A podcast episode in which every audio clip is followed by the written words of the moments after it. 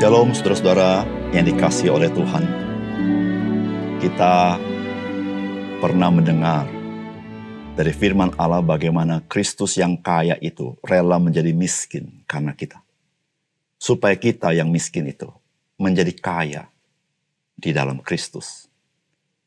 Saudara, tentu yang Tuhan maksudkan bukan kekayaan materi, tetapi satu kekayaan rohani yang tidak ternilai harganya, yang tidak dapat diberikan oleh dunia ini.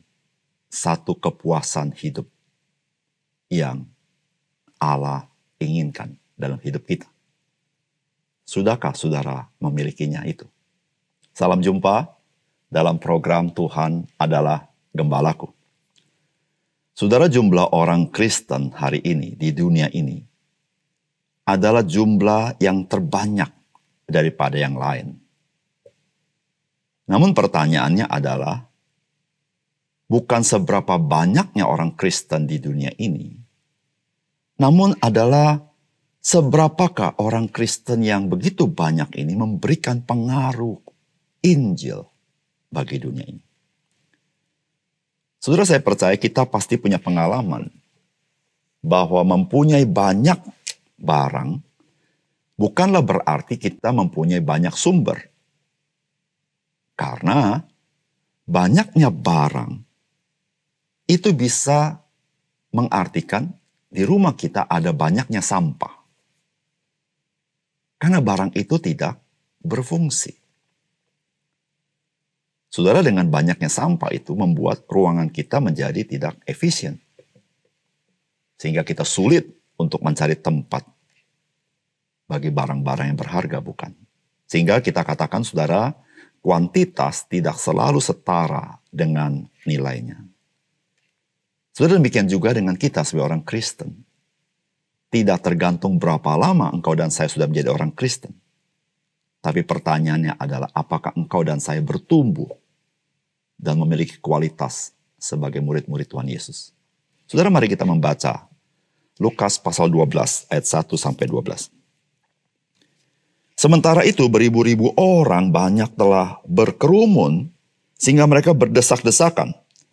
Lalu Yesus mulai mengajar pertama-tama kepada murid-muridnya katanya, waspadalah terhadap ragi, yaitu kemunafikan orang Farisi. Tidak ada sesuatu pun yang tertutup yang tidak akan dibuka dan tidak ada sesuatu pun yang tersembunyi yang tidak akan diketahui. Karena itu apa yang kamu katakan dalam gelap akan kedengaran dalam terang dan apa yang kamu bisikan ke telinga di dalam kamar akan diberitakan dari atas atap rumah. Aku berkata kepadamu, hai sahabat-sahabatku, janganlah kamu takut terhadap mereka yang dapat membunuh tubuh dan kemudian tidak dapat berbuat apa-apa lagi. Aku akan menunjukkan kepada kamu siapakah yang harus kamu takuti. Takutilah dia yang telah membunuh, mempunyai kuasa melemparkan orang ke dalam neraka. Sesungguhnya aku berkata kepadamu, takutilah dia. Bukankah burung pipit dijual lima ekor dua duit? Sungguh pun demikian tidak seekor pun darinya yang dilupakan Allah. Bahkan rambut kepalamu pun terhitung semuanya. Karena itu jangan takut, karena kamu lebih berharga daripada banyak burung pipit. Aku berkata kepadamu, setiap orang yang mengakui aku di depan manusia, anak manusia juga akan mengakui dia di depan malaikat-malaikat Allah. Tetapi barang siapa menyangkal aku di depan manusia, ia akan disangkal di depan malaikat-malaikat Allah. Setiap orang yang mengatakan sesuatu melawan anak manusia, ia akan diampuni. Tetapi barang siapa menghujat roh kudus, ia tidak akan diampuni. Apabila orang menghadapkan kamu kepada majelis-majelis atau kepada pemerintah-pemerintah dan penguasa-penguasa, janganlah kamu khawatir bagaimana dan apa yang harus kamu katakan untuk membela dirimu. Sebab pada saat itu juga Roh Kudus akan mengajar kamu apa yang harus kamu katakan. Saudara yang dikasih oleh Tuhan, bagian firman Tuhan yang kita baca hari ini memperlihatkan betapa populernya Tuhan Yesus. Karena Alkitab mencatat ribuan orang berdesak-desakan mengikuti Tuhan Yesus. Saudara dalam kesempatan seperti ini, apakah yang Tuhan sampaikan? Di mana di sana ada murid-muridnya, namun juga apa yang Tuhan katakan didengar oleh orang yang sekian ribu itu. Saudara, mari kita mendapatkan pesan firman Tuhan dari bagian ini. Yang pertama, saudara firman Tuhan hari ini memperingatkan kepada kita bahwa kemunafikan sesungguhnya tidak ada nilainya, alias kosong atau hampa. Saudara kemunafikan merupakan bagian dari kehidupan manusia bukan? Munafik itu artinya seseorang memakai topeng. Tentu topeng yang baik yang dipakainya, bukan topeng tidak baik. Kenapa dia memakai topeng? Supaya orang tidak bisa melihat sesungguhnya siapakah dirinya. Dan saudara berapa banyak orang yang merasa dia sukses memperagakan dia sebagai orang yang rohani mungkin, sebagai orang yang baik mungkin, sebagai orang yang ramah mungkin, sebagai orang yang suci mungkin, dan dia bangga itu. Tetapi hari ini Tuhan Yesus mengingatkan kita, kemunafikan itu saudara, pada akhirnya adalah kosong, tidak ada artinya, dan tidak berguna. Saudara, itulah yang Tuhan Yesus katakan kepada murid-muridnya. Di tengah orang banyak yang berduyun-duyun ikut Tuhan Yesus. Mungkin saja murid-murid yang menjadi bangga karena gurunya sangat terkenal dan orang banyak mengikuti dia. Tetapi Tuhan Yesus mengingatkan kepada murid-muridnya. Sekian banyak orang banyak yang mengikuti Yesus. Jikalau mereka munafik, tidak sejati sebagai murid Yesus. Semua itu hanya hampa. Tidak ada artinya. Tidak memberikan pengaruh apa pun oleh karena itu saudara yang kasih dalam Tuhan, sebagai orang percaya, Tuhan Yesus menghendaki saudara menjadi orang Kristen yang otentik, sejati. Sehingga saudara, saudara dan saya di dalam kuasa roh kudus memberikan pengaruh kepada dunia ini. Saudara, ketidakotentikan orang Kristen, apalagi dalam jumlah yang banyak, tidak memberikan berkat kabar baik bagi dunia ini.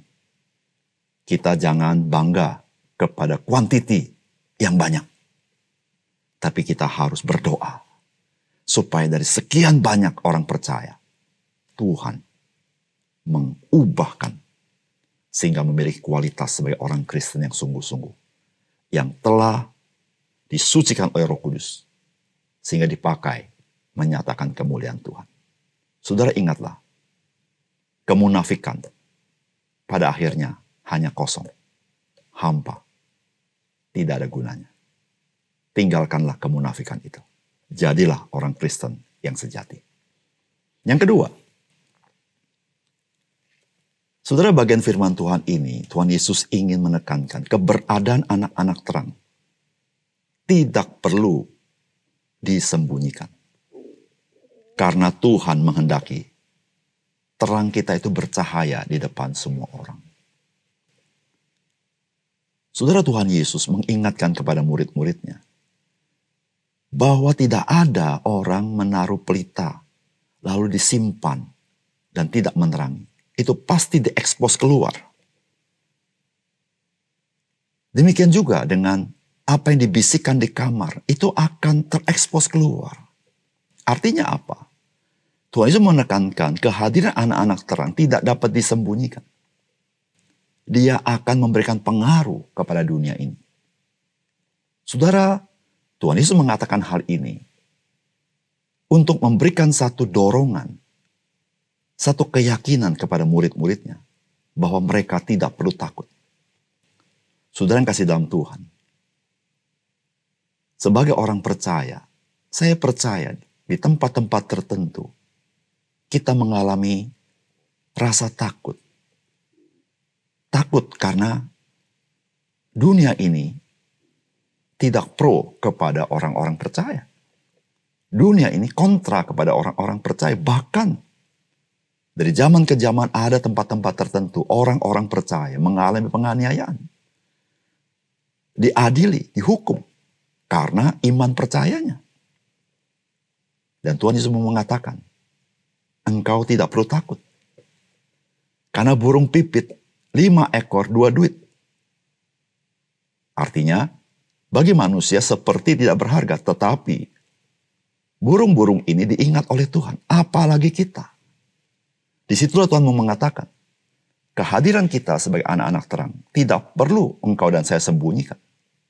Karena Tuhan mau engkau menyatakannya di dalam hikmat Tuhan tentunya, di dalam kasih Tuhan tentunya, di dalam kerendahan hati dan rasa hormat kepada orang lain. Saudara yang kasih dalam Tuhan, di mana pun saudara berada hari ini, bukan kebetulan engkau berada di sana. Tuhan ingin engkau bercahaya, supaya lebih banyak orang boleh melihat kasih karunia Tuhan Yesus dan mereka boleh memuji nama Tuhan. Mari kita berdoa. Bapak surga terima kasih untuk kebenaran firman-Mu. Tuhan ingin kami menjadi orang Kristen yang sungguh-sungguh, orang Kristen yang otentik. Tuhan mengingatkan kami, kemunafikan pada akhirnya adalah hampa dan kosong, tidak ada artinya. Meskipun kami sukses menjadi orang munafik. Dan kami bersyukur ya Tuhan, keberadaan anak-anak terang tidak perlu disembunyikan. Karena Bapa di surga, Engkau menghendakinya, kami bercahaya, bahkan Engkau melindungi kami ya Tuhan. Tuhan bantu kami, kami ada banyak kekurangan, kami ada banyak ketakutan, kami ada banyak cacat celah, tetapi kami percaya kuasa roh kudus yang bekerja dalam hidup kami sebagai orang percaya, memampukan kami untuk memancarkan cahaya Injil di tengah-tengah dunia ini. Terima kasih Tuhan. Dalam nama Tuhan Yesus kami berdoa. Amin.